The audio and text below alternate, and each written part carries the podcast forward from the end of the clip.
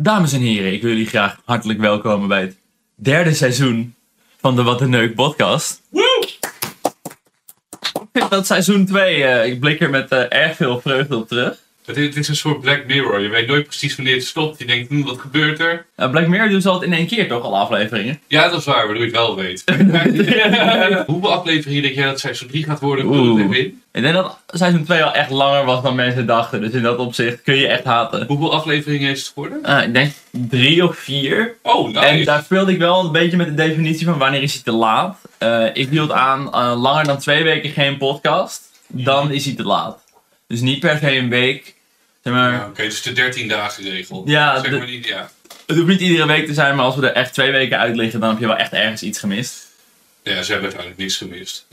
Nou, je, je hebt niks gemist inderdaad. Dus zoveel is het ook niet. Maar seizoen 3, leuk. eh, nieuwe updates. Denk, ik denk dat wij het niveautje King Alert gaan doen. Weet je nog toen hij stopte en terug kwam met een heel nieuw format? Het format was gewoon hetzelfde, maar dan saaier. Exact. Exact, seizoen 3 baby. baby ja. Nou, ik wil seizoen 3 persoonlijk wel echt compleet over de boeg gooien. Uh, seizoen 2 zijn we een beetje begonnen met een aantal dingen van seizoen 1 herpakken. Mhm. Maar als we dat nu weer doen, hebben we weer gewoon een aflevering micro-irritaties. Ja. En dan is het seizoen weer af. Dan wordt het wel heel makkelijk. Laten we minimaal 10 afleveringen ertussen houden of zo. Dat we dan, hè, Nee, we gaan, seizoen 3 wordt echt gewoon 30 afleveringen. eh, 30, oh tering. Dus Ja, wordt echt heel succesvol. ene micro-irritatie wordt een, wordt Dat een wordt- eh, Aflevering 13 of zo. Dat moet helemaal goed komen. Maar vandaag gaan we het in ieder geval hebben over de toekomst. oeh. Dat leek me een leuk onderwerp. Daar hebben we toch nog wel het een en ander over kunnen lullen. We liepen wel een beetje tegenaan dat het moeilijk is om echt een onderwerp te vinden waar we echt een hele aflevering over kunnen lullen. Mhm. Maar ik denk dat ik in dit onderwerp echt wel een hele hoop eh, dingen gevonden heb. Maar je wilt natuurlijk eerst beginnen met eh, het wekelijkse... We gaan eerst naar het verleden. Back to the future. Dus niet naar Back to the Future. het klinkt niet als- als het verleden, maar... nee, maar oké. Maar nee, wat het ding is, eh, wij doen natuurlijk nu sinds kort altijd een persoonlijke anekdote aan het begin. En Soms, ja. Ja, dus, dus ik heb niet heel veel boeiends. Het enige wat ik had, bedacht ik me ook net, is ik kreeg gisteren een oproepje. Drie keer van KPN op verschillende tijden. Ik heb ze ook alle drie beantwoord. Ik zeg, ik had even bellen op een gegeven moment bij die derde. Ik echt boos. Weet je wat die gozer zegt? Ja, maar ben jij niet die ene van de YouTube-video's? Echt? Ja, dit zijn ook tering tyfus. De voel me gelijk- je mijn gegevens staan op jouw beeldscherm, vriend. Wil je dat niet doen? Ik word ook heel vaak eh, dagelijks genaaid door KPN, want ik heb dan een KPN zakelijk abonnement voor de streamtas. En die bellen me ook echt vaak, joh. Dat ik echt helemaal terugbel. En, nee, nee, nee, dan kun je een tijdstip selecteren, zeg maar geautomatiseerd. Ook helemaal, helemaal future. Eh, dat je teruggebeld wordt. Ik denk, oké. Ze bellen me heel vaak. Het zal belangrijk zijn of zo. Eh, Een supergoeie deal, een sponsordeal, ik weet niet. Ik bel, zegt ze gewoon, yo, wil je ook internet van ons? Eh, nee. Oh, oké, doei. Heb je me hier nou zo vaak voor zitten bellen? Eh, heb jij, ben jij aangemeld bij Belmeniet register of niet? Volgens mij wel. Ik heb hem meerdere keren aangemeld, maar voor mij negeren ze dat gewoon. Exact. Ze hebben het bel me niet, niet register, dus zetten ze me daar ook in. Oh, Belmeniet niet, niet register, zei je dadelijk? Dat moet ik nog even regelen. Dat is toch kut, jongen? Ik word zo scheidsziek van... En heb je die heb je laatst dat ding gehoord van eh Rijk Hofman, broertje van Tim Hofman? Ik weet dat hij het broertje van Tim Hofman is, maar... Hij is dus gebeld eh, door mensen van zijn Oh ja, ja, ja. Hij werd gebeld ook, eh, via, ook via Ziggo of zo, ook via iets van de Mhm. provider. En dat, die, eh, dat ze nog aanstonden of zo, toch? Per ongeluk de voicemail inspraken. Ja. En zo van, ja, maar wie is dat dan, Rijk Hofman? Ja, dat is die ene van eh, Tim, Tim Hofman. Oh, ik zie zijn gegevens hier. En er waren dus een paar gasten die aan werken en die spraken de voicemail per ongeluk in van Rijk. En hij heeft het op Twitter gezet. En denk je ook bij jezelf, wat kut. Die gasten zijn vast keihard ontslagen. Ik mag hopen van wel. Ik uh, publiekelijk aan de schappen Ik nemen. moet meteen een beetje denken aan het gebeuren met Gio. Dat die vakkenvuller opeens riep, "Hey, pedopas, pedopas. is dat gebeurd? Ja, ja, Gio was gewoon aan het vloggen in de supermarkt. En toen riep zo'n willekeurige vakkenvuller, pedopas, pedopas. en toen zei zo'n mattie van Gio van, "Eh, wat de fuck gast, wat is je probleem? Hij zei, ja, nee, grapje, grapje. Uh, maar je gaat een minderjarige, weet Eh, pedopas, pedopas.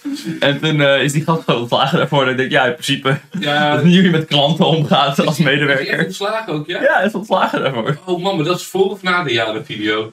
En dit was daarna. Oh. Anders, anders wist hij niet van de pedopas natuurlijk. goed. Ik, echt, als ik werk had of geld, dan mocht hij bij mij werken. Wat. Nee, dat is gewoon Ik lul. zat dus wel te denken voor Make My Great Again. Dat gaan we binnenkort weer natuurlijk doen. Voor de mensen die, die niet kennen, is een stomme actie. Dat is alles wat je hoeft te weten. Waarom ga ik niet gewoon een keer midden in de nacht dan naar Gio toe en klop ik op die deur? Want hij vlogt altijd iedereen die aanbelt bij zijn deur. Geef die mensen wel heel veel aandacht, ja. Die mensen die zijn leven zuur maken. Dus je staan we de Big Boy Great Make Boy great again! Doe het, doe het, Gio! Dan gaan we naar huis. Ik bedoel, hij doet het toch. Hij doet het toch, je komt sowieso in de vlog. Dat is een beetje het stomme. Want mensen zoals hij, ook uh, Royalistic had toen een keer met een drone. Weet je dat nog? Die ook... Ja, dat was een drone in zijn tuin of zo, toch? Exact. En hoe meer je erover gaat zeiken, hoe meer het gaat gebeuren. Maar ik denk dat bij Gio is het ding wel een beetje dat hij vlogt bijna iedere dag. Dan ben je wel heftig op zoek naar iets om je vlog mee te vullen. Ja, man, als dat de borsten moeten zijn van ja, dat is niet handig. Nee, nee, nee, god, is 15 jaar, dat kan je niet maken, maar... sinds, sinds 16 heb ik betrouwbare bronnen genomen. Oh, Tijd gaat uit. wow, maar wat is, is jouw van de week ook? Oké. Oké, nou, ik heb dus uh, gisteren melk gedronken. Ik had, uh, ik had gisteren een bezichtiging voor mijn woning. Ja, ja. En ik had nogal haast. Dus ik had even gauw een zak krentenbollen gepakt. Ik grab even gauw in de koelkast, pak melk. Ik ben lekker aan het rijden, eet mijn krentenbolletje, neem een slok melk. Fucking goor. Echt, die melk was flink bedorven. En ik wilde in principe gewoon zo even zo'n goede chug. Weet je, als je dat pak gewoon aan je lippen zet, zo'n kloen, kloen, kloen. Ja, ja, Ik doe die eerste kloen. Oh. En ik, uh, ik verslik me meteen, maar mijn hele mondje zit echt nog vol met melk. Oh. Dus ik heb echt een beetje eh, van die bolle wangetjes vol met, ja, ik moest to- toch een beetje een soort porno eh, gevoel. Dat je zo, moet ik het doorslikken of uitspugen? Maar ik was ook druk aan het rijden, dus ik kon niet eventjes gauw iets doen. Dus ik heb echt een minuut lang met die bedorven melk in mijn mond gezeten, raam naar beneden gerold, Oh, zo eruit. Er reed net een auto langs me, ik kan ook niet echt die bedorven melk zo over de auto in de andere baan spugen. En toen keek ik dus op mijn pak en was het twee maanden over datum. Twee maanden over daar. Oh shit. Check je moeder dat die thuis of zo? Nou, voor mij was het een keer een pak melk dat ik gekocht had, dus het lag ergens achter in de koelkast. Oh, en uit respect gooit ze. Oh, wauw, ja. Zij dacht, nou, het is reeks melk, hè. dat is eh, niet mijn Oh. probleem of zo. Maar doe me denken. Ik, ik, ik bedoel, ik me heel denken aan als je zo'n klein kotje hebt of zo. Die dan even half in je mond komt. Als je denkt, Nou. En maar dan die hele mond vol pak je vast. Maar het doet me ook denken aan eh, Disneyland was ik ooit een keer. Ja. Met allemaal YouTubers. En, Dit is waar de, de, de grote drama ontstaan is, toch? nee, nee, niet die. Niet die. Dit Niet is die? 2017. Het was met eh Dionne, Jill, Gover, Joost, Veras, eh eh, Jami. Weet ik veel. Heel veel YouTubers. En wat er gebeurde was, Disney betaalde alles. Dus Sick. heel veel zuipen, helemaal losgaan. Op een gegeven moment voelde ik gewoon dat we naar huis liepen ook zo.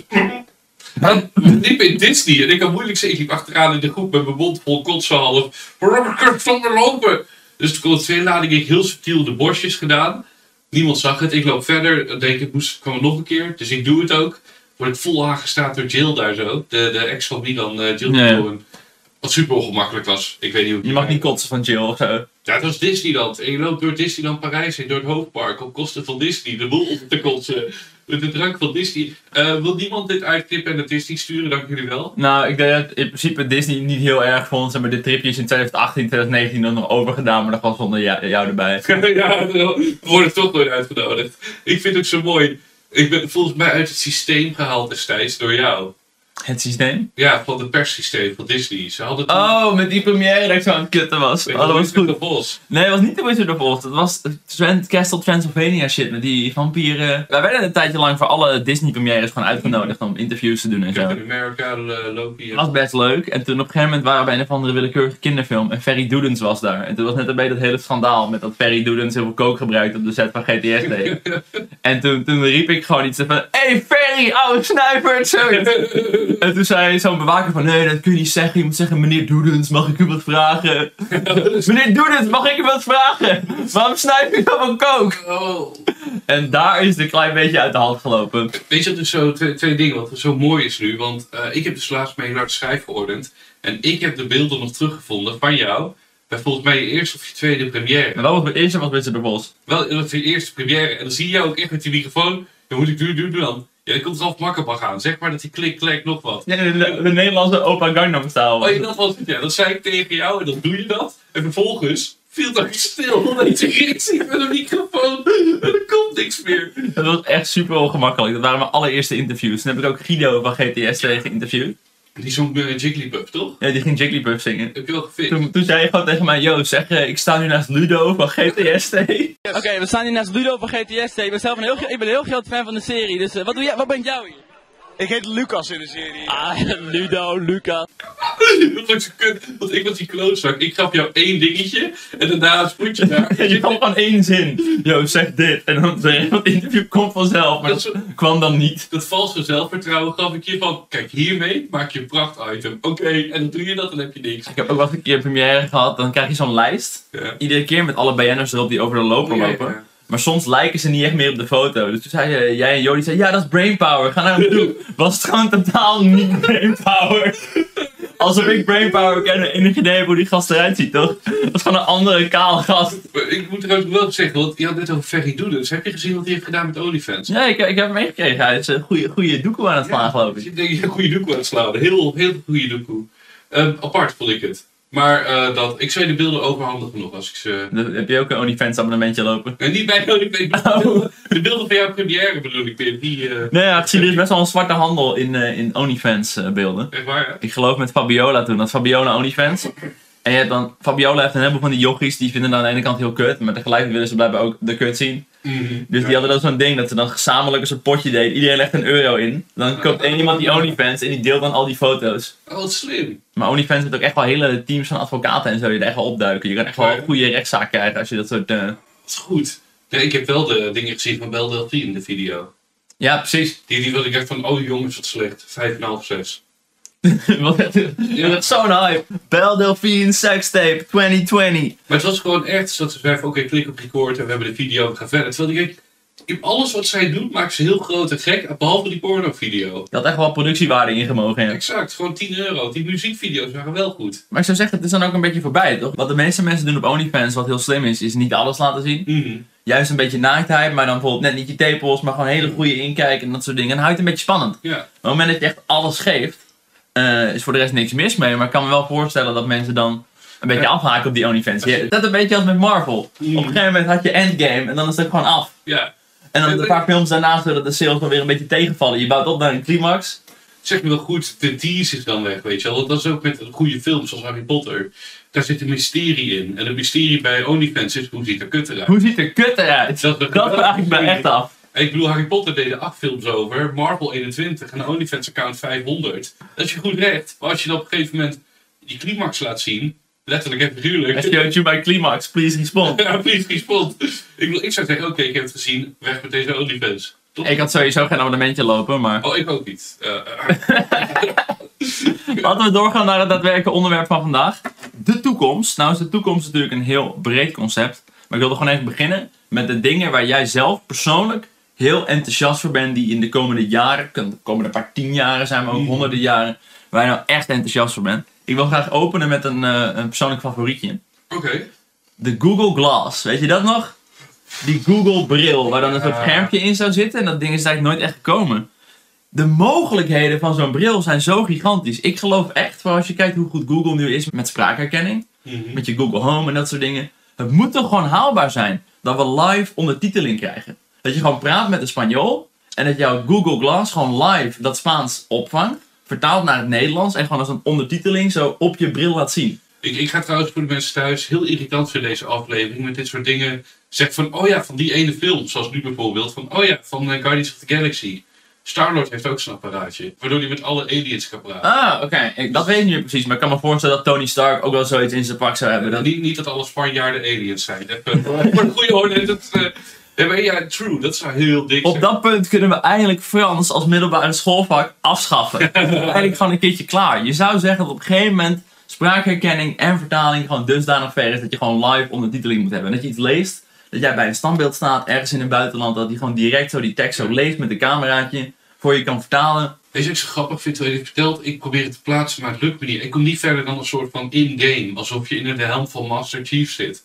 Van Halo, weet je wel. Ja, ik denk dat juist vanwege die Google Glass kun je het wel een beetje voor je zien, toch? Ja, nee, ik kan wel voor me zien, maar ik kan me niet indenken dat als ik nu naar jou kijk bijvoorbeeld, dat hier de statistieken naast staan en eh, weet je wel? Maar dat zou helemaal crazy zijn. Dat je het ook gekoppeld hebt aan een soort Facebook. En dat je dat direct gewoon kan Ja. zien. Dat je op straat gewoon iedereen zijn username erboven staat. Dat iedereen gewoon volledige naam zo boven zijn hoofd staat. Ik heb wel heel vaak gedacht bij mezelf dat ik ervan baal, en dat meen ik echt, dat ik geen statistiek heb van mijn leven.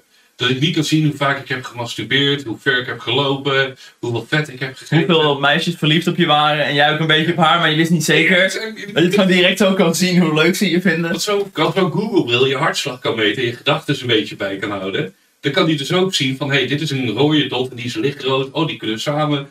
Maar ja, het is zo leuk als je dat ziet, dat je allemaal misloopt. Ja, dat is wel een interessante. Eh, het zou ook handig zijn als je gewoon op straat iemand tegenkomt, dat je gewoon meteen zo de Instagram erboven ziet staan. Wat je Insta, wat je Insta, wat je Snap, wat je Snap. Oh, direct erin sliden. Ja, nee, nee, ja. Ik... Ik zag je net bij een bushoekje staan. Super nare man. Ik vind het wel heel vet. Ja, ik, ik ben benieuwd. Zou het nog ooit terugkomen, Google Glass? Ik weet niet waarom- precies. Waarom ging het weg? Waarom ging het weg? Dat is een hele goede vraag. Geen idee.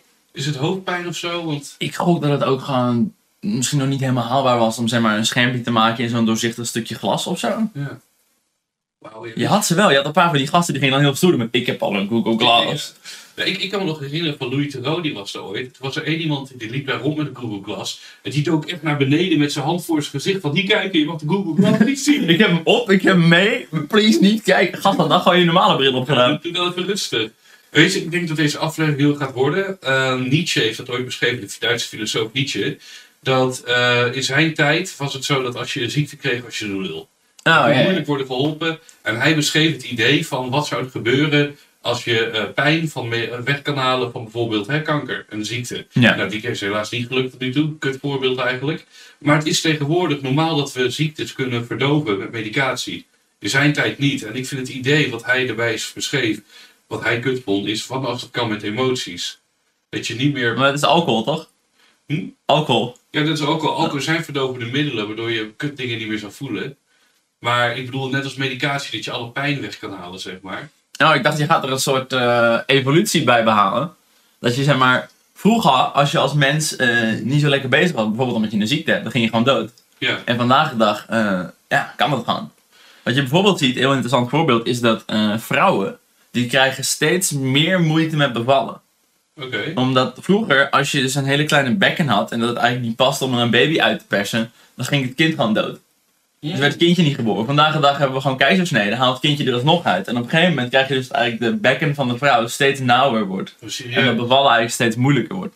Omdat wij dus eigenlijk gestopt zijn met dat stukje evolutie. Maar bijvoorbeeld ook eh, vroeger, als jij eh, blijkbaar een beetje de bepaalde skills miste om bijvoorbeeld eh, een baan te krijgen. En op een gegeven moment werd je heel arm en ging je dood van de honger. Dan kun je geen kinderen krijgen. Dus ook bepaalde genetische dingen die daarin zitten zijn die door kunnen geven. True. Terwijl vandaag de dag, in principe moet je in Nederland heel goed je best doen om op straat te belanden. Ja, Je krijgt altijd wel iets van een uitkering of iets van een sociale huurwoning. En ik denk ook, je hebt veel meer mogelijkheden om je voor te planten, om een eh, metgezel te vinden. En dat is misschien ook wel een beetje het punt van Idiocracy natuurlijk. Die film heb je vast gezien. Ja, ja. Ik heb, Echt een fantastische film over de toekomst. Het idee is eigenlijk dat domme mensen krijgen veel meer kinderen. Wat voor mij objectief gewoon waar is in ieder geval. Ja. Nou moet je wel een beetje oppassen dat eh, domme mensen in deze context gewoon vaak mensen met min- minder hoog opgeleide mensen is. Dat betekent niet altijd dat je dommer bent natuurlijk, maar als je een onderscheid moet maken, is het wel gewoon het beste je hoeft je onderscheid. geen zorgen te maken dat je domme mensen beledigt. Want als het ding met domme Ze mensen... snappen het niet. Nee, die weten niet dat ze dom zijn. Iedereen vindt zichzelf erin slim. Die denken, Dat is wel een "Oké, ding. De meeste mensen vinden het zelf wel slim. Maar het punt van idiocracy is dat domme mensen in ieder geval meer kinderen krijgen. Intellectuelen die wachten, die denken nou ik wil eerst eh, een baan. En dan een ben je 35 en dan denk je oké, misschien één kind.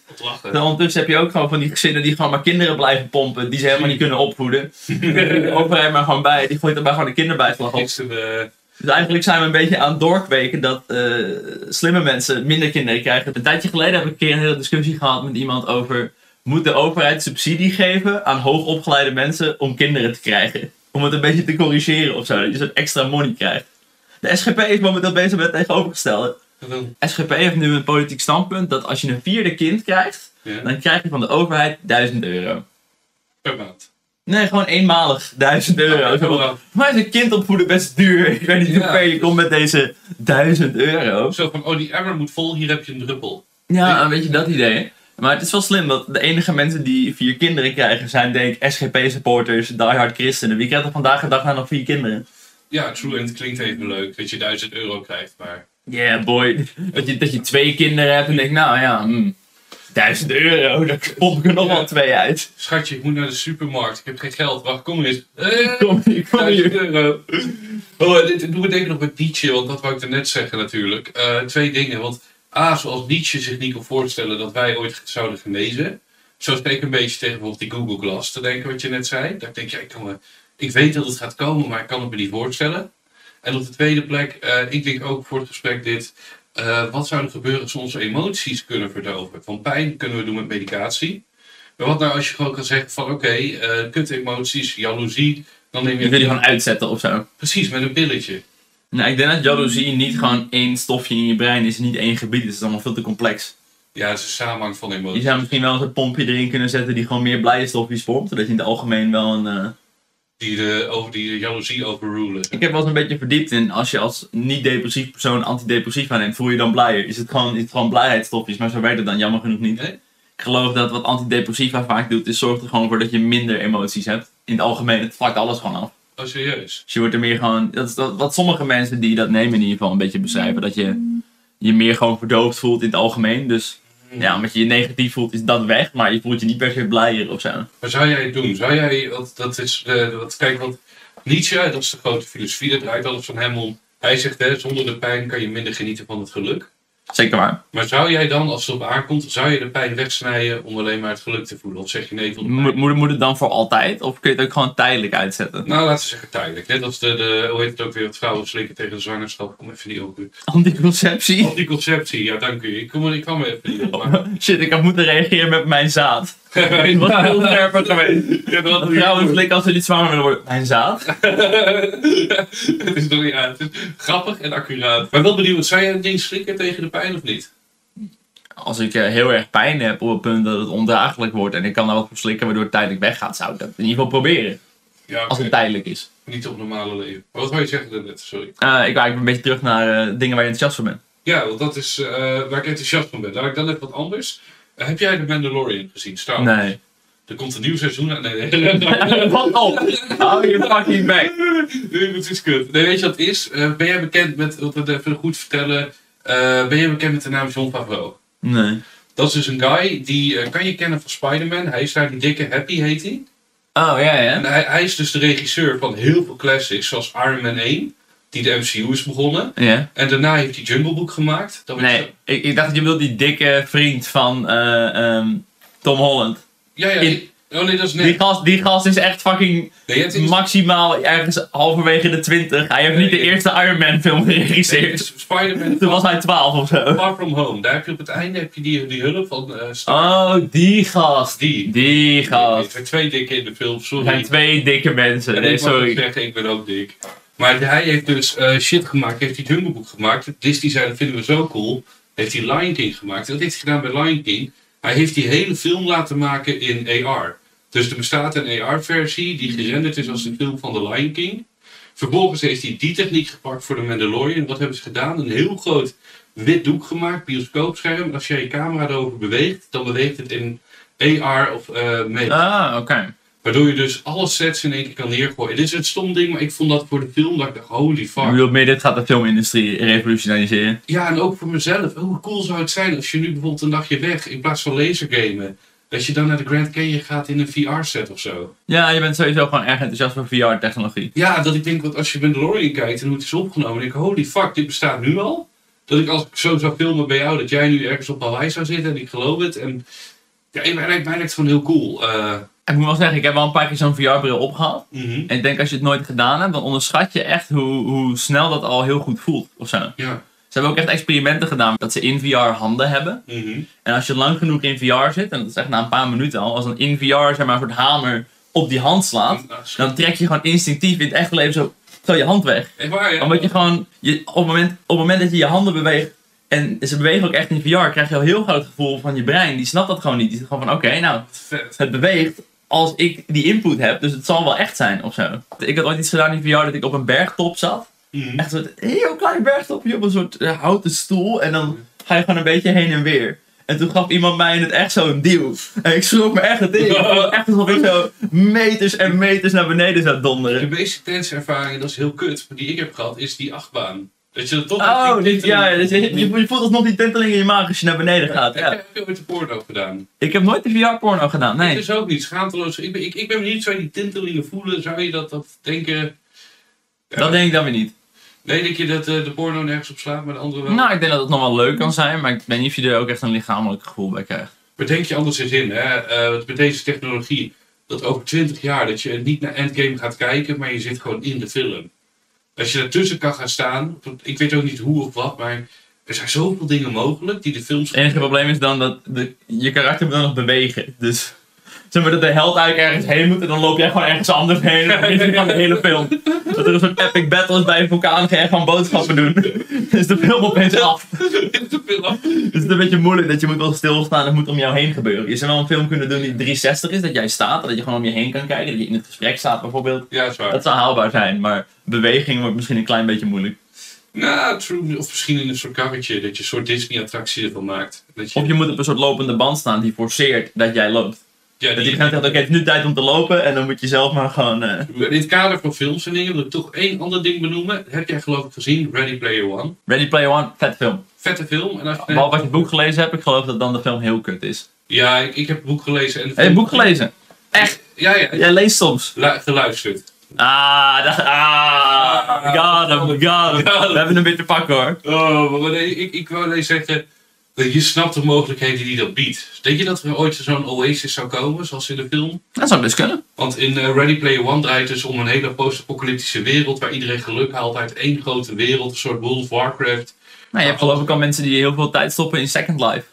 Een soort online The Sims of zo. Dat is echt van jaren geleden al. Maar je hebt echt van die mensen die echt gewoon bijna leven voor dat computerspel. Staat het nog steeds? Het bestaat nog steeds, maar echt alleen de sneuwste mensen zijn overgebleven, denk ik. Ja, jezus. En ondertussen hebben we nu langzamerhand een beetje VR-chat, toch? Dat iedereen met van die Hatsune Miku's en eh hou, je hebt precies van die knuckles.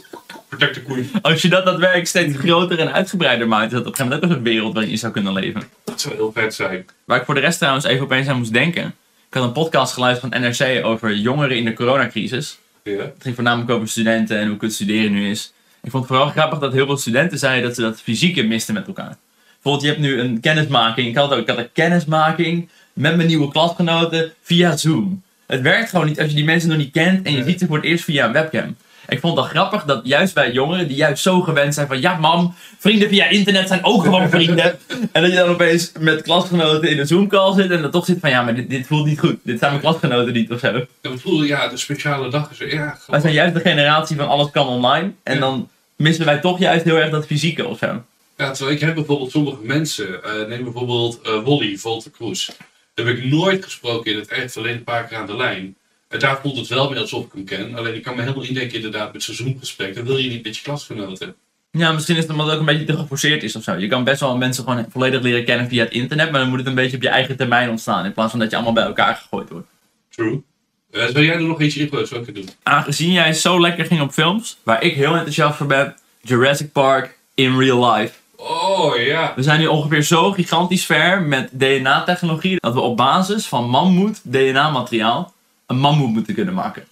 Het enige wat ze echt nog nodig hebben is een goed sample. We moeten even een goede bevroren mammoet vinden om even echt even goed DNA uit te Is halen. dat echt zo? En dan ja? zouden wij in principe een mammoet kunnen maken en die flikkeren we zo in de dierentuin. Dit is gewoon kut, want jij, jij met je universiteit, ik mijn VBO. Ik heb gewoon gegoogeld, hè? Dat, Oké. Je hebt ook gewoon Google, geloof ik. Je, je kan ook zomaar in de maling nemen dat je zo naar huis rijdt en zegt, nou die pardon. Hij gelooft echt alles. Binnenkort ook vampiers. Ja, exact. Ik zeg, ja, kut. Ik, ik ben een beetje huiverig op enthousiast te reageren nu, maar is dat serieus? Ja, cool. Ja, nee, we zouden echt langzamerhand via DNA-technologie. We zouden ook bijvoorbeeld weer uitgestorven diersoorten. Dus ja, dat zijn dinosaurus natuurlijk eigenlijk ook. Ik zou de dodo wel willen zien. Ja? Ik heb het laatst... Lijkt me gewoon een heel erg anticlimax. Ja, maar het is zo'n heel groot lomp beest. Ik snap, We zijn wel groot, ja. ik snap niet hoe die kan leven. Hij is gewoon echt, echt heel groot. Gewoon verhuisdood groot. Zo groot is zijn romp. Het is een beetje een gans eigenlijk, maar dan gewoon minder agressief of zo. Ja, ook, ook als je die dingen ziet, hoe hij nu eh, opgebouwd is. Geherconstrueerd. Het lijkt godverdomme wel een cartoon. Hij ziet er echt niet uit. Het is een lijpbeest. Net als een flamingo. Blij dat die hebben het overleefd trouwens. Maar, sorry, van Ze Jurassic zijn ook niet echt gecamoufleerd met het roze, of wel dan? nee, van Jurassic Park naar flamingo's is niet goed. Maar ja, nee, die vind ik heel vet. Heb je de nieuwe gezien van World? Jurassic World? Ik heb eh, die eerste remake gezien, die tweede heb ik geskipt. Ja, groot gelijk. De eerste was de beste ook. Kijk, niks gemist, heerlijk. Maar het lijkt mij heel cool om daar doorheen te gaan. En doorboord te worden door dino's. Dus eh zal ik er eens eentje willen gooien? Ja, kom maar door. Waar ben jij enthousiast voor in de toekomst? Eh, enthousiast, oké. Jammer, dan gaat die weg. Het nieuwe seizoen van Stranger Things. Ja, dat komt daar weer aan de kut. Nee, dit is een rare. Het is twee woorden. Er staat gewoon één naam. Elon fucking Musk. Drie woorden. Drie woorden. Ik had gewoon Elon Musk. Elon Musk. Dat was het. Maar ja, Elon Musk. Nee, ik ben echt zo, zo fucking hyped voor alles wat die man doet. Eh, er staat hierbij bijvoorbeeld eh, de dakpanelen, de Boring Company, Tesla, Space, de wedstrijd tegen Jeff Bezos, wat hij doet op zijn Twitter. Kijk, ik vind Elon Musk een leuke man, maar ik vind ook dat hij soort van een beetje overhyped is. Laatst het Jeugdjournaal filmpje van Elon Musk is de rijkste man ter wereld. En ik miste dan toch een beetje die kritische noot. Van oké, Elon Musk is nu de rijkste man ter wereld. Hij heeft fucking veel geld. Mhm. Maar niet de kritische noot van hé, hey, maar in de coronacrisis superveel armoede. Ondertussen heeft Elon Musk dit jaar 100 miljard verdiend. Ik mis een beetje die noot van, hé, hey, is dat wel eerlijk? Kan hij niet misschien meer doen voor andere mensen in plaats van zijn eigen zakken vullen? Want ik geloof dat hij ook allemaal kobaltmijnen heeft waar kinderen doodgaan omdat ze allemaal ziektes krijgen en shit. Is het echt zo, ja? Ja, volgens mij is er een hoop fucked up shit gaande zodat Tesla die accu's kan maken. Oh jezus. Ik denk, ja, ik vind Elon Musk best een coole gast, maar hè, hij kan ook zijn personeel beter betalen bijvoorbeeld. Nou, volgens mij is het toch best goed bij Tesla, of niet? Geen idee, ik werk er niet. Oh, is dat, is dat echt een issue of is, is dat even uit de tuin Eh, gezocht? nou, ik geloof wel dat hij op een gegeven moment met corona gewoon open wilde en zo. Die zei, ah, ik flikker gewoon mijn fabriek open, boeien. Ik, ik weet nog wel, heb je die eh, grap vorig jaar op 1 april gezien? eh, dat eh, Tesla failliet zou gaan. Was dat toch geld? Dat 1 april, ik ga failliet. Kijk maar wat je met de aandelen doet. En toen hebben de CEO's ingegrepen. Dan kan je niet meer flippen. iedereen ging alles verkopen, overal paniek. En iedereen, ja. Dat best een goede geld. Maar ik vind het zo mooi aan hem gewoon dat hij verzint dingen zoals met name de Boring Company. Ik denk dat dat het meeste voor de toekomst is. Ik dacht juist dat de Boring Company alweer redelijk was van ja, voor mij gaat het niet werken man. Ja, oh, ik zag laatst dat we een intest hadden gedaan en dat ging goed. Ik dacht dat uiteindelijk eh, een compleet wegennetwerk ondergronds toen toch een heel stukje ingewikkelder was. Net als met die Hyperloop ook. Ah, Ook heel enthousiast over, maar er blijken toch met wrijving nog wel een hoop problemen te zijn.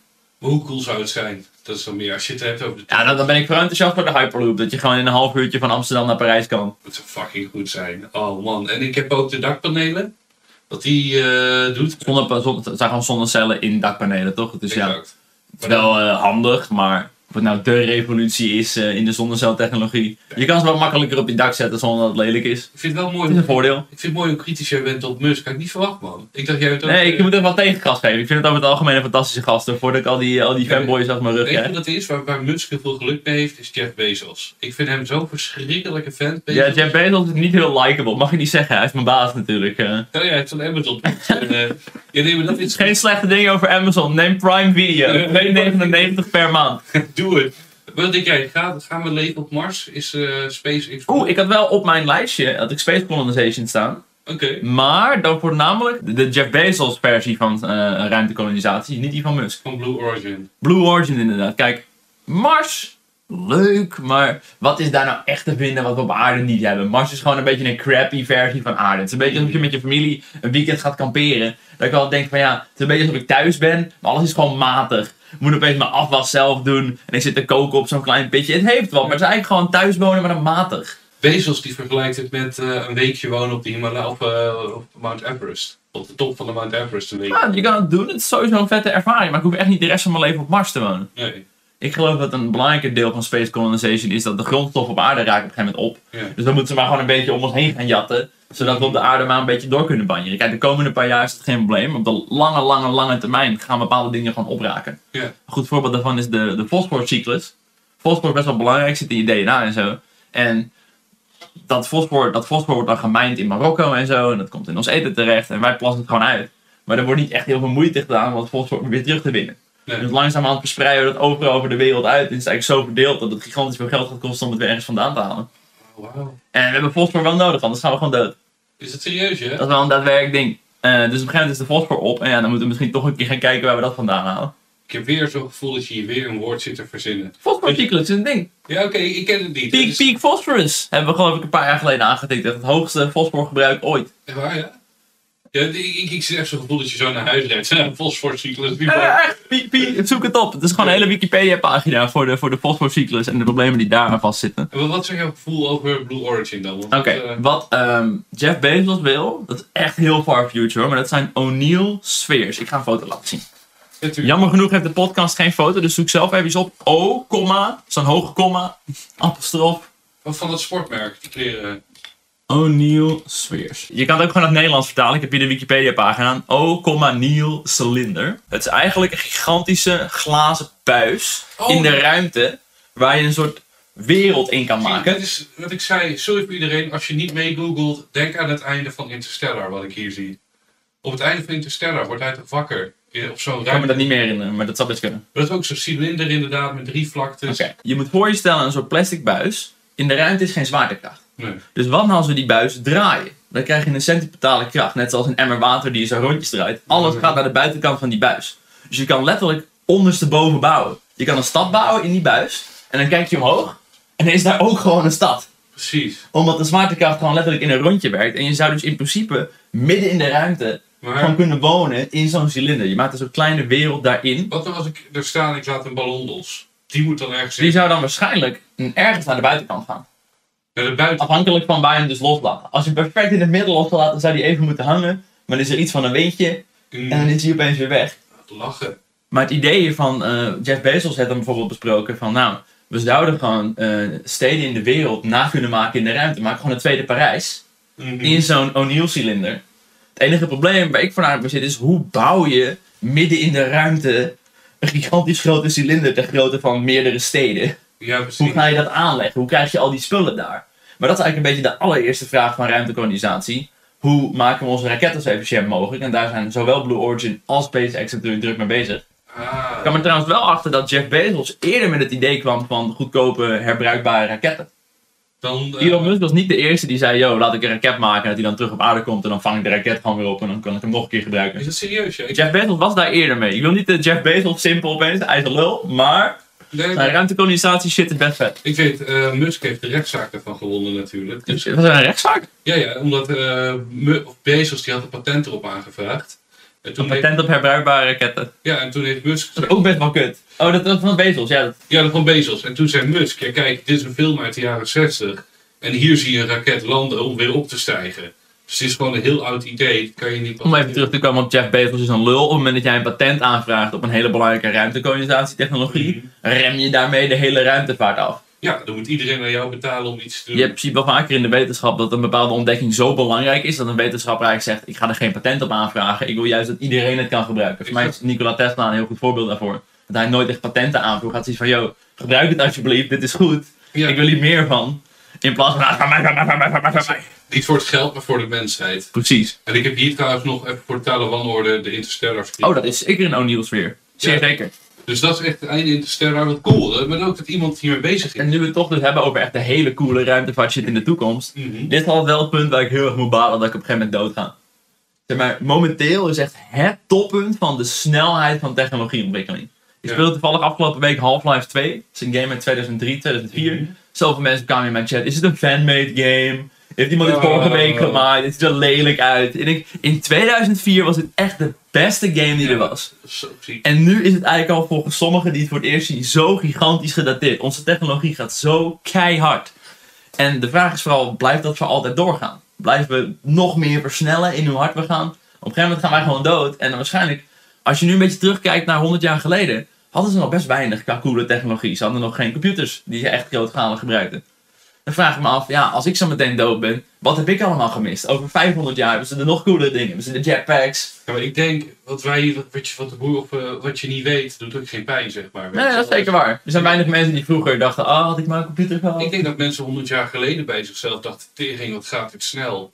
Ik, ik kan in één keer thuis een lamp aandoen. En mensen 100 jaar daarvoor dachten, tering, wat gaat dit snel. Dus in 1800 zoveel. Dus ze dachten, wow, we bouwen nu een democratie op.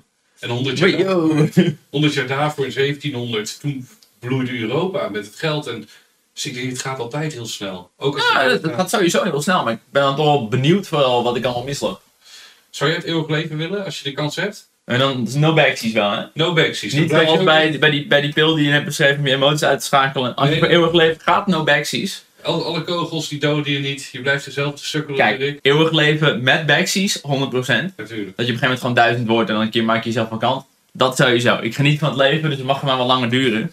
Maar, als je echt gaat kijken naar echt voor altijd. Ten eerste, even uitgaande van het feit dat jij de enige bent. Iedereen om je heen gaat altijd dood. Mhm. Dat is best wel een probleem. Dat is kut. Ten tweede, het feit dat je voor altijd leeft, eh, hoor je vaak, is, haalt toch wat motivatie weg. Mhm. Waarom zou je vandaag uit je bed komen als je het ook over 30 jaar kan doen? En voor de rest, op een gegeven moment eh, ja, zal de mensheid uitsterven en ben je in je eentje door het universum aan het dwarrelen. Dat is ook waar. Dat is ook wel een punt. En dat dan voor altijd. Dat dan In principe is dan het leuke leven op aarde is 1% van je leven. Mhm.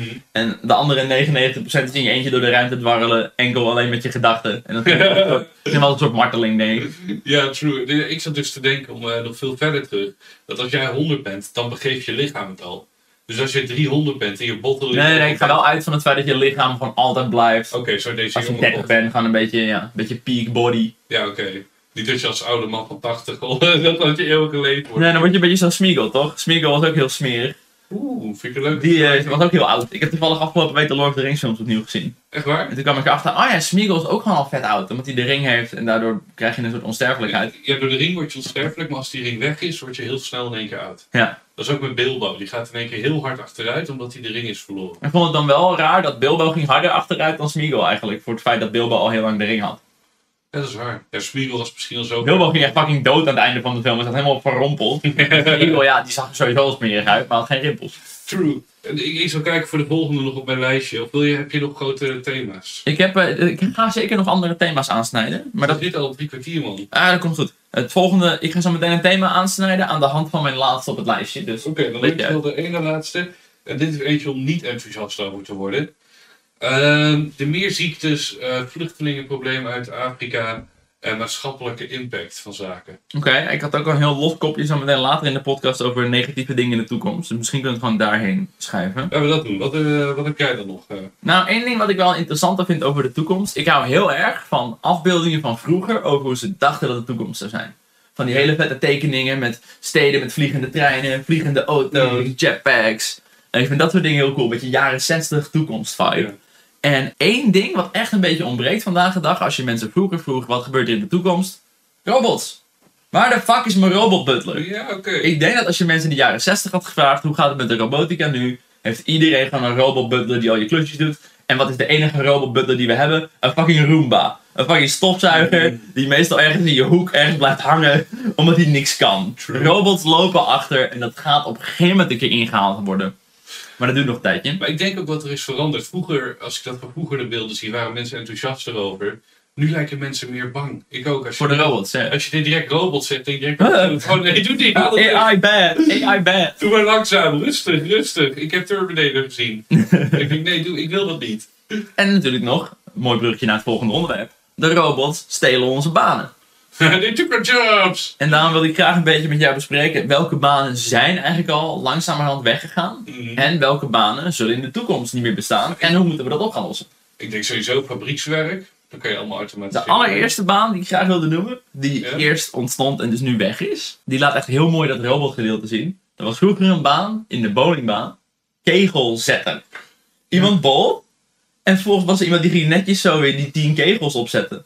En toen op een gegeven moment heel snel kwamen we erachter in Amsterdam is er nog zo'n oude bowlingbaan. Want ze deden ze Mhm. maakten gewoon touwtjes vast.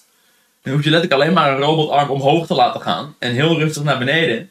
En als die touwtjes niet in de knoop raken, dan staan al die kegels gewoon alweer. Dus een van de allereerste banen die eigenlijk weggeautomatiseerd is, is kegelzetter. Volgens mij was het ook in Greece, toch? Is Greece of was dat West End Story? Dat zou best kunnen. Dat volgens mij in een van die filmpjes ook eh, zijn speukjes aan het roken erachter. Hey, what you doing, Johnny? Well, I'm trying to impress this girl, you know. En dan zit Die neer. Ja, het was met die vetkuipen zo de achter jaren 50. Here, man. Nou, er is in Amerika nog één bowlingbaan, wat echt de oudste bowlingbaan ter wereld. Dan moet je dus zelf iedere keer na iedere beurt moet je daarheen lopen. En dan moet je die Oh. teringkegels moet je weer ophoog zetten. Oh, wat kut, wat kut. Maar wel leuk, ja. We hadden het gisteren ook, want je had het hier heel kort over. Direct over eh, degene die aanklopte bij iedereen. De, de, de wekker noemde ik het zelf dan. Ja, ik ken hem als een porter. Dus iemand, Porter? een- iemand die poort bij de voordeur. Een porter. Ja, het idee was vroeger had je gewoon mensen die klopten op je raam. Mij was het een, een wakker, een klopper misschien? Ik weet niet meer wat het exacte woord. Maar je had in ieder geval vroeger mensen die klopten gewoon op je raam als je wakker moest worden. Iedereen moest tegelijkertijd in de fabrieken. kwam gewoon iemand met een stok op je raam, tik tik tik, wakker worden. En ja, op een gegeven moment hebben we gewoon wekkers uitgevonden en is het allemaal een klein beetje vervallen. Ik vraag me wel af welke van de twee beter zou werken. Het zou fijn zijn als je gewoon meteen beneden moest melden bij die persoon, dat je ook niet kan snoezen. dat hij gewoon een hele buurt wakker klapt, en dat hij gewoon met een eh, klapbord zo staat en dat iedereen ook echt bij hem moet melden. Wat Dat je maar niet meer kan snoezen, anders dan krijg je dan molotov door je raam of zo. Zo'n molotov. Fijn wakker worden.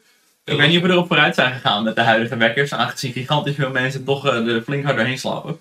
Ja, ik denk de makkelijkste baan die nu weg gaat vallen, dat zei je ook zelf aan de telefoon, is de post natuurlijk. Ik moet direct weer denken aan onze Nou, ik vind dat wel, ik vind dat wel best een complexe, want je moet eh, met drones gaan werken en robots. Ik denk een makkelijkere baan om weg te automatiseren wat je nu al gigantisch erg ziet is kassa-medewerker. Dat busje. Vooral McDonald's is daar heel goed in. Ik bestel nooit meer bij de McDonald's bij de kassa. Sociaal contact. Huh? Nee, een hele grote uit de hand gelopen iPad. Boem, boem, boem, boem. Ik had dat laatst. Ik was bij de Albert Heijn. Ik ging spullen kopen. Redelijk wat. Dus ik alles eronder doen. Oké. betalen. Ja hoor. Gaat dat ding piepen. Dat er iemand mijn tas kon controleren. Dan komt er zo'n meisje die al de hele tijd in mijn rug staat. Waardoor ik ook zo druk voel alsof ik echt aan het werk ben bij de Albert Heijn. Mijn eigen producten te scannen. Gaat door mijn dingen heen. Alsof mijn baas mijn producten komt checken. Dat je ook bent bang bent van heb ik alles gedaan of niet. Heb je dat gedaan. En het is gewoon kut. Ik ben gewoon aan het werk voor de Albert Heijn. Ja, voor, voor medewerkers is het ook niet leuk.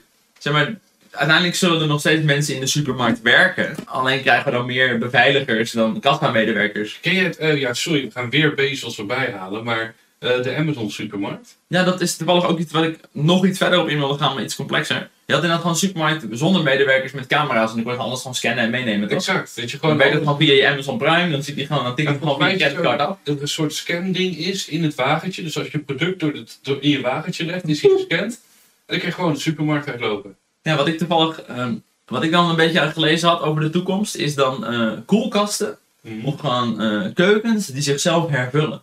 Dat jouw keuken gewoon digitaal weet, jij hebt zoveel melk. Op een gegeven moment meet hij gewoon, jouw pak melk is op. En dan bestelt hij gewoon meteen via Amazon een nieuw pak melk voor jou. Wat, wat je van deze referentie? Ken je nog de boze bevers? Ja, ja. Die hadden van die, van die post, van die bussen. Daar moest ik, net aan, moest ik net aan denken toen we het hadden over de Hyperloop. Ah ja, dus dat kan je Dat de post van de boze bevers een beetje werkt als Hyperloop. Ja, ik heb er wel eens over nagedacht. Dat, eh, hoe cool zou het zijn met een 3D-printer? Dat als ik nu schoenen wil hebben van Nike, dat ik die bestel, omdat de 3D-printer ze direct neerlegt. Maar dan wordt het wel heel makkelijk om het gewoon te downloaden natuurlijk. Ja, Waarom dat- zou je nog Nike honderden euro's betalen als je gewoon digitaal... Dat is al een ding met wapens geloof ik. Er gaan eh, designs rond van 3D-printbare wapens. Oh, serieus? Dit is hoe we de revolutie gaan starten. Oh, Free the nee. people. Rellen wordt opeens tien keer beter als we gewoon thuis onze wapens kunnen printen. Overheid machteloos. Zie je al die hooligans thuis hun eigen bakstenen printen? Zou je ze uit de stoep halen? Je hebt thuis een baksteen geprint. de knullig lul. Oh, man. Dat vind ik een hele goeie. Even kijken. Andere banen die in de toekomst zullen eh, verdwijnen. Ik had reisbureaus. Ja. Vroeger moest je echt voor je vakantie naar een reisbureau. Ik ben nog nooit van mijn leven naar een reisbureau geweest. Gaat gewoon online naar een vergelijker. Gaat een klein beetje inlezen waar je heen wil. True. Onze generatie gaat niet meer naar reisbureaus. Nee, die gaan gewoon alles checken. Ja, simpel zo. Andere die ik had, dit is niet iets wat gaat verdwijnen, maar het wordt steeds minder, is juweliers. Ja? Jongeren hebben geen geld. Nee. Als er iets is wat momenteel in mijn hoofd heel laag staat op de prioriteitenlijst, is het wel een diamanten ring. De enige keer wanneer jongeren dure juwelen kopen is als ze gaan trouwen. Ja. Er zijn echt weinig, nou met uitzondering van echt van die rich kids, zijn er echt weinig jongeren die druk bezig zijn met het kopen van een ketting van 5000 euro. Gewoon omdat het mooi staat. Weet je wat ik denk? Ik, ik denk het is belangrijk voor een winkel dat het een evenement voelt, zeg maar. Dus bruidsjurken, dat voelt als een evenement. Het is echt een happening. Ik ga mijn bruidsjurk halen. Een diamant kopen. Misschien dat je even met eh, je vriendinnen, je moeder, je vader de stad in gaat, weet je wel. Maar doen ze dat ook wel. Maar zijn echt wel zat juweliers als je binnenkomt en je meteen een glaasje champagne krijgt. Gewoon puur met een beetje tot een soort evenement te maken inderdaad. Dat Ja, moet een soort... eh, groter. En ik weet, Intertoys is daarom gevallen, want ouderen geven daar Ik geld kwam aan. binnen en ze zeiden, yo, what up? Je hebt je pepernoten en een je gaat een doos Lego kopen, crazy. Exact. Woe, welke wil je? Ja, die ene wil mijn kind. Ik weet niet hoe dat heet. Woe, dan meteen een kind stellen. Ik weet niet, maar dat is super kut. Eh, ja, kut voor de winkels. Ja. Ik had gelezen dat in 2018 geloof ik uitgaven aan juwelen echt 6% naar beneden waren. Ook mede door de jongere generatie die eh, Oh, wauw. bijna niks meer kopen. Nog wel een goeie. Eh, bezorging inderdaad, zoals je al zei. Maar dan ook natuurlijk interessante taxis. Vooral nu met de zelfrijdende auto's. Is het idee op een gegeven moment dat je gewoon een zelfrijdende auto bestelt. Dat die gewoon voor je huis rijdt. Instapt, die brengt je weer weg en die auto rijdt gewoon zo weer door. Eh, Ah, het zou fucking chill Dan zijn. hoef je als taxichauffeur niet meer te werken. Je hoeft alleen maar gewoon Maar- meerdere auto's te kopen. Weet je wat wel kut is hieraan? Dan zou ik dus al die leuke filmpjes van YouTube mislopen. Van taxichauffeurs die boos... Get out of my fucking car! dat zijn leuke En filmpjes. daar hebben we artificial intelligence voor. dat ze ruzie Dat maken. de ruzie maken ook. Niet kotsen in de taxi. Voor de godver. Oh, wat vet. Ja, het lachen houden. Ik had het net een klein beetje over dat jongeren minder geld hebben. Mhm. Dat vond ik ook meteen een mooi bruggetje naar de toekomst. Ik ben dus zelf nu net een paar weken bezig op de woningmarkt. Toevallig gisteren in de buurt een woning bezichtigd. En ja, ik wil het eigenlijk meteen al niet huren omdat ik de verhuurder een lul vond. Het was echt gewoon puur, hij heeft het gekocht, wil jij het nu komen huren? Dan denk je, ja, godverdomme lul, jij betaalt hier 700 euro in de maand voor, zodat ik 12,50 in de maand ga betalen. Fuck jou! Ja, De. Nederlandse huizenmarkt is al verpauperd. Vroeger kon je als volwassene ongeveer ieder baantje ooit hebben, minimumloon, en je kon gewoon een huis kopen. Was geen enkel probleem. Al onze ouders konden gewoon een huis kopen, ongeacht wat ze gedaan hebben.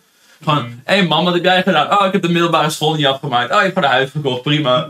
Kan gewoon. Eh, vandaag de dag moet je überhaupt al blij zijn als je kan huren. Ik zit nu gewoon een beetje te kijken naar huurprijzen voor oké huizen. En dat gaat dan echt soms al gewoon om 1500 euro in de maand. Het is gewoon veel duurder dan kopen. Maar de hele huizenmarkt is gewoon verziekt. En we hebben geen geld. En omdat je de hele tijd zoveel huur moet betalen, kun je ook niet sparen. Dat is heel kut. Eh, ik zou er graag wat aan willen doen. Maar ik denk dat de enige echte oplossing is gewoon dat de overheid moet aanpakken. Dat je gewoon niet meer huizen mag kopen om te verhuren. Op een gegeven moment moet gewoon gezegd worden. Yo, dit huis mag je kopen, maar je mag het niet verhuren. We gaan gewoon checken volgende maand of jij erin woont. En als je er niet woont, krijg je dikke boete. Maar echt, echt, echt een dikke boete. Er zijn nu wel boetes, maar die lappen ze gewoon omdat ze heel veel geld hebben. Geen eh, melkers meer erop. eh, geen... Huisjesmelkers zijn echt, echt teringlaaiers. Ik zie alleen maar op YouTube nu ook soort beleggingsdingen van wil je ook beleggen in vastgoed? Ik denk ja, het verdient wel fucking goed. Want zoals ik al zei, de huur die je vangt is echt het dubbele van de hypotheek die je betaalt. Het is echt bizar hoeveel geld het verdient. Wat, wat had je verwacht na 10 jaar VVD? Had je... Ja, nee, dat is precies. We moeten op een gegeven moment gewoon woningen bouwen die echt alleen verkocht kunnen worden aan starters. Alleen mensen die onder een bepaald inkomen zitten, mensen die geen woning in hun bezit hebben. Nee. Er moeten op een gegeven moment regels komen om de vrije markt, eh, die eigenlijk helemaal niet zo vrij is, maar gewoon rijke mensen heel erg lekker speelt. Er moet iets gedaan worden, anders dan eh, zijn we zo meteen allemaal aan het huren van mensen die, zoals een Prins Bernhard, fucking bijna 200.000 bezitten. Het is bizar. Het is ook gewoon kut. Ik ben ook gewoon jaloers. Ik vind het echt kut dat er mensen zijn die als volledige salaris hebben. Ja, ik heb gewoon zes huizen. En er zitten gewoon mensen in en die betalen mij gewoon. En van dat geld betaal ik de huizen en dan blijft er gewoon geld over. Dat is bijvoorbeeld wat Kabelkop nu ook doet, hè. Die pakt gewoon al zijn YouTube geld, die pompt het gewoon in vastgoed. Waar? Zodat als hij zo meteen stopt met YouTube, heeft hij gewoon voor de rest van zijn leven een inkomen. Omdat hij gewoon 20 pandjes in Amsterdam bezit. Slim. Het is heel slim, maar hij is ook een klootzak. Het is ook een beetje erg dat iedereen weet ook dit is wat je moet doen met je geld. Dat is het allerbeste wat je moet doen. Je geld gewoon huizen kopen en verhuren. Ja. Krijg je het altijd terug. Lekker houden. Nu we het toch een klein beetje hebben over negatieve dingen. Mhm. Je had het net een klein beetje over vluchtelingen. eh, uit Afrika en zo. Wil je daar nog wat op eh, in... eh, Ja, het is nu natuurlijk zo dat Afrika dat gaat het meest, eh, de grootste populatie krijgen van de wereld qua continent. Dat gaat hmm, omhoog schieten naar 5 miljard.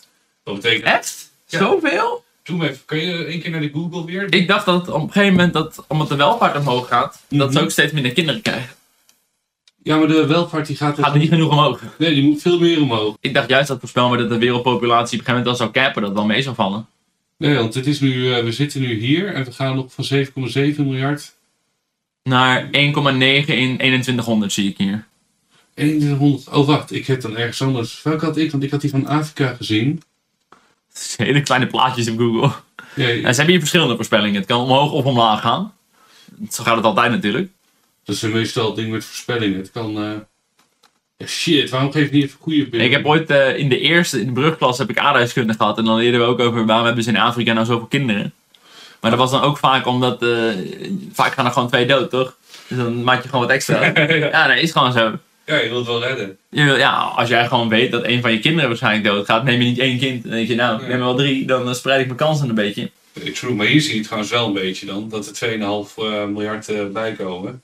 Ja, Voor 2100 trouwens, sorry, niet 2050. ja. maar- 2100 is Afrika de grootste, het grootste continent, volgens deze voorspellingen. En als je nu al de vluchtelingencrisis had uit het Midden-Oosten, moet je nagaan wat er gebeurt in Afrika. Ja, en ik heb vernomen dat ook klimaatverandering daar een hele grote rol in gaat spelen. Dat we op een gegeven moment klimaatvluchtelingen gaan krijgen. En niet zozeer politieke vluchtelingen. Ja. Maar dat het klimaat op een gegeven moment zo kut wordt in bepaalde gebieden. Dat je er gewoon geen gewassen meer kan verbouwen. En dan moet je sowieso weg. Dus Bardo, wat ga jij stemmen in maart? Waarom is het PVV om alle Afrikanen weg te halen? ik ben vervroegd racist. Ik ben nu alvast... Ik, ik zet alvast even in op de lange termijn. Ik ben niet racistisch, maar het wordt wel druk hier. ik doe het alvast wel pakken. Vooruit stemmen. Ik ben hartstikke links. In principe vind ik dat iedereen zou in Nederland moeten kunnen wonen. Ik heb geen enkel recht verdiend om hier te zijn, omdat ik uit mijn moeders cup ben gerold. Aan de andere kant, als iedereen hier wil wonen, wordt het ook wel druk. Dus ja, je moet wel wat verzinnen. Je moet iets je- van een immigratiebeleid Je hebben. bent toch veel meer net als mij gewoon een liberaal. Dat je zegt, ja, Ja, ja, iedereen eh, lekker zijn ding doen. Iedereen lekker zijn ding doen, maar het moet niet uit de hand lopen. Ik snap nooit echt dat die term gelukszoekers, die van die PVV-stemmers roepen, ja, die buitenlanders die hier komen zijn gelukszoekers. Hmm. Ik denk, als jij eh, een baan hebt en je hoort opeens, joh, andere mensen daar verderop hebben dezelfde baan, maar dan krijgen ze meer betaald. Dan zeg je ook je baan op en ga je lekker daar werken. Natuurlijk. Als jij in Afrika woont en je hoort, in Nederland is het leven veel beter, daar hebben ze hagelslag en een uitkering. Dan denk je ook, nou, Ik kan het een beetje misschien nog beter vergelijken met de mediadroom. Ja, je kan wel denken, ik word een acteur en actrice, maar dan denk je niet aan Nederland, dan denk je aan Hollywood. ja. En dan willen wij ook in één keer verhuizen naar Hollywood, omdat daar de kansen beter zijn, het geld... Als jij ziet dat ergens anders de kansen beter zijn, ga je daar gewoon heen. Ik neem ze dat op geen enkele manier kwalijk. Nee, tuurlijk niet. Groot gelijk. Alleen ja, het wordt wel op een gegeven moment onhandig als de hele wereld in Nederland wil wonen. Gelukkig zijn er aantrekkelijkere landen. Misschien moeten we dat gaan doen. We moeten Nederland steeds minder chill maken. Zodat mensen niet naar Nederland willen emigreren. We moeten gewoon onze eigen website heel scheid maken. Dat we alleen maar Volendam laten zien. Oh, ik denk dat dit een crisis wordt. En we hebben het over gehad in de eh, corona-podcast. Maar met ebola destijds hadden we gewoon geluk dat Afrika... Nou, geluk dus aan... Slechte infrastructuur dat toch? Exact, waardoor de ebola die kon verspreiden. En als dat verbetert... Ik denk dat Komt ebola terug? ebola 2.0, weet je, de, de, de, de comeback. Nee, maar dan denk ik dat we nieuwe ziektes gaan krijgen. We gaan allemaal naar de kloten. Klimaatvluchtelingen, wat jij zegt. Afrikanen die helemaal verdubbelen. Eh, Wordt wel een soort haven Afrikaan podcast. Dat was niet de bedoeling. mensen met een Afrikaanse oorsprong. Eh, Afrikaanse migratieachtergrond. Ja, oh god. Kijk, nu gaan we ons heel ver ingraven. Maar eh, dat eigenlijk. Dat ik denk, ik maak me er wel zorgen om. Dat ik denk, eh, blij dat ik dood ben tegen die Oh ja, niet mijn probleem. Doei! Jawel. De ballen en laatst iets van. Hetzelfde voor klimaatverandering. Ik denk dat wij nog net een beetje op het punt zitten. Dat het gaat wel kut worden als we wat ouder worden. Maar net niet te kut. Het is zeg maar zo van, van vlak voor je dood kan je het restaurant zien afbranden van je familie. Dan denk je, ah ja, kut. Ja, Oh, het restaurant wat jij je kinderen hebt doorgegeven. Ja, Oké, precies. het is wel afgebrand, maar ik ben blij ik ben. Belastingfraude, ik weet van niks. Yo! dat is wel een beetje het probleem met juist eh, het klimaatbeleid, denk ik. Dat net te veel mensen zoiets hebben van, nou, dat net niet in mijn tijd. eh steek al die fossiele brandstoffen maar in de fik. Ik heb er toch net geen last van. En dan neem ik wel gewoon geen kleinkinderen. ook Doei. mooi met, de Jensen, Thierry Baudet en zo. Van die mensen die het ontkennen. Dat je zegt, natuurlijk er is een kans dat het allemaal fout is. En dat we verkeerde aannames doen en dat het bijdraagt.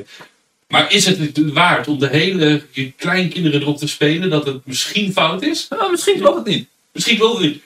Want hey, als je van het dak springt, ga je waarschijnlijk dood. Ja, maar misschien, niet. niet, ja. Ja, oké, spring maar. misschien overleef je het wel, doe maar. Ja, dat is wel een beter idee. eh. Oh god.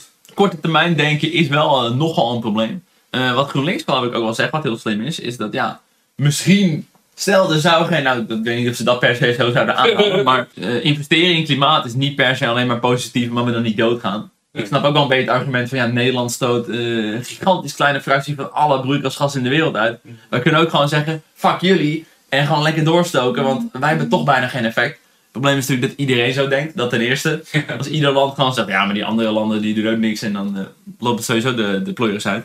Maar je kan ook zeggen, ja, we moeten toch een keer overstappen op zonne-energie, want fossiele brandstoffen raken op. Eh, misschien kunnen we dat nu alvast doen, zijn we niet meer zo afhankelijk van Russisch gas, bladibladibla. Dan eh, loop je voor op de rest, ja. Ander dingetje wat trouwens nog kut is, waar we wel mee te maken gaan krijgen, pensioenen Oh ja, gaan helemaal kut worden. er wordt lachen. Oh, ook, jij, jij bouwt ook geen pensioen op tot nu wel? Ja, ik, ik ben aan het sparen. En als ik op een gegeven moment een huis koop. Ik denk als je op een gegeven moment gewoon een huis hebt gekocht en die gewoon hebt afbetaald, dan zit je al redelijk in de endgame van je leven. Hoef je niks meer te doen. Ja, ja. Als jij gewoon een huis hebt afbetaald, moet je nog een klein beetje vermogensbelasting betalen en een paar andere belastingdingen. Maar dan kun je van redelijk weinig geld leven, want je hebt vrij weinig vaste kosten. Ja. Eh, moet het wel lukken. Mm, Maar het probleem is dus nu voornamelijk, ja, ik denk dat je bekend bent met het hele probleem van de pensioen en de vergrijzing. natuurlijk. Dat momenteel zijn er heel veel werkende mensen en een paar oudjes. Dus dan kunnen wij gewoon een beetje belasting lappen en dan lappen we die oudjes ervan. Ik geloof dat het nu 1 op 5 is of zo. En op een gegeven moment, eh, gewoon iedere twee werkende personen moeten ook gewoon betalen voor een oudje. Die iets van 1000 euro in de maand wil vangen. Ja.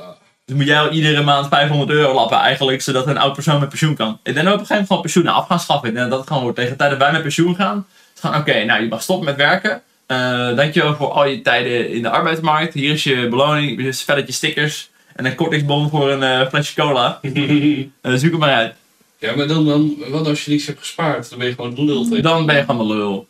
Dan eh Oh. zetten we een paar zeecontainers neer, dan kun je daarin wonen of zo. Ik heb nu al zin in die rellen. Dat mensen dan weer op eh in En eigen... oude mensen die gaan rellen. Ja, een teringleier. Dus met z'n rollator gooien en die weg kunnen rennen. Kut, kut, kut. Kut, kut! Geef me rollator terug. Oh, wat goed. Ik ben echt wel heel benieuwd wat voor bepaalde problemen ook echt nog wel de komende tijd in Nederland dan ook vooral, aangezien daar woon ik dan, eh, zullen ontstaan. Rondom immigratie en vergrijzing. Ik ben benieuwd naar de nieuwe dabs en de nieuwe memes en de nieuwe... De nieuwe memes. Ja, ik vind nu die eh, ontwikkelingen van Wall Street Bets, heb je dat een beetje gevolgd? Van eh Game, de- GameStonks. Ja, GameStongs. Ja, mooi. Ik- weet, weet je een beetje wat het idee gaat- erachter is? Nee, dat, dat wou ik dus net zeggen. Dat gaat me volledig met de pet erboven. En ik vind het fascinerend en ik kan het niet plaatsen. Ben je benieuwd naar een goede uitleg? Eh, ja, we kunnen het ook doen voor volgende week. We kunnen ook volgende week uitgebreid praten over aandelen. Ik ben wel begonnen met beleggen trouwens. Gaan we dat volgende week doen? Ik ben wel oprecht benieuwd. eh. Ik- Volgende week. Voor mij is de podcast nog niet een uur, maar... Nee, maar jij hebt volgens mij nog één of twee dingen, toch? Eh, die Nee, nee, nee. laten we bewaren voor volgende week. Die- Dat is de toekomst. Dus als jij wil weten wat gebeurt er in de toekomst. Wat is het thema van volgende week dan? Nou, ik zit dus nu nog een beetje te... Hij weet het nog niet, hè? Ik zei, yo Bardo, ik kom vandaag langs, gaan we twee podcasts opnemen. Zorg ervoor dat je een volledig uitgewerkt onderwerp hebt. Ja, ik hinkel op twee gedachten. Vrijheid en geluk of gaming. Dat zijn de twee die ik heb. Laat even weten wat jullie liever willen. Vrijheid en geluk of gaming. Eh, tegen die tijd is het al opgenomen.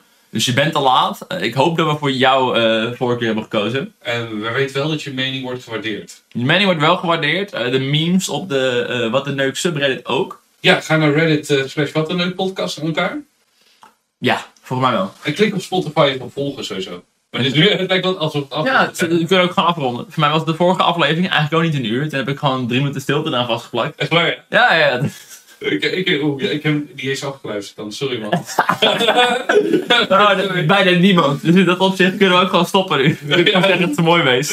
Niemand die het opvalt. We hebben gezegd wat we moeten zeggen. Het is klaar. Maar ik vond het wel een geslaagde aflevering van seizoen 3, aflevering 1. Een heel sterk begin. Ik zou bijna, het is geen Red Wedding, maar het komt wel in de buurt. Van. Game of Thrones. Ik mis wel de plot twist. Dat jij in één keer zegt, ik ben vastgoedmagnaat. Ik bezit 30 woningen in Deventer. Zo dat jij de woning die jij bezit die van mij is. Haha. You bitch. ja, dat ja. God jongens, bedankt voor het luisteren. En eh, klik op volgen. Check even de subreddit. Wat een leuk podcast. En eh, volgende week weer. In principe kunnen we nog wel tips gebruiken als je nog een eh, goed podcastonderwerp hebt waar we echt een hele aflevering over zouden kunnen praten. Misschien moet even een discussie eruit maken op de subreddit, dat mensen daar gewoon op kunnen reageren wat voor onderwerpen ze graag zouden willen zien. Eh, ik moet wel meteen even zeggen, jullie suggesties zijn meestal echt heel kut. Ja, er zitten heel veel dingen tussen waarvan ik, ja, dat is leuk voor een vijf minuten gesprek, maar het moet een uur zijn, hè? Dus ja, doe, doe dit en denk ik, weet daar niks van af. Ehm, ik, kan, ik kan er inderdaad met moeite vijf minuten over praten. En voor de rest films. Alsjeblieft zeg niet films. Eh, het probleem is, films is een leuk podcastonderwerp. Bardo ik meteen helemaal gelukkig worden. Weet je, film, film voor sport wil ik heel graag, maar die wil Rick niet. Nou, de reden is gewoon dat dan wordt het de hele tijd zo'n had erbij moeten zijn ding. Dan gaan wij vijf minuten lang praten over Indiana Jones. Zit je daar eens kijken van, ja, die heb ik niet gezien. Ja. dus de hele discussie is gewoon kut. Dus je hebt zoveel punten waarop je af kan haken. Zodra je de film niet gezien hebt, wordt de hele discussie al saai. Ja, en ook geen scheikunde of natuurkunde, dank je. Want dan wordt het voor mij... er Nou, een leuk lesje scheikunde, dat eh, is wel interessant hoor. Oh god, ga naar het klokhuis. Hey, hoe, hoe is jouw sollicitatie bij het klokhuis afgelopen? Allebei afgewezen. Allebei afgewezen als presentator. Heel zuur. Hey jongens, dankjewel voor het deze aflevering. Tot volgende week, hopelijk, bij aflevering 2 van het derde seizoen van de Wat een Leuk podcast. Tot dan, hou je ballen warm en eh laters. Laat het je. Dag. Yo.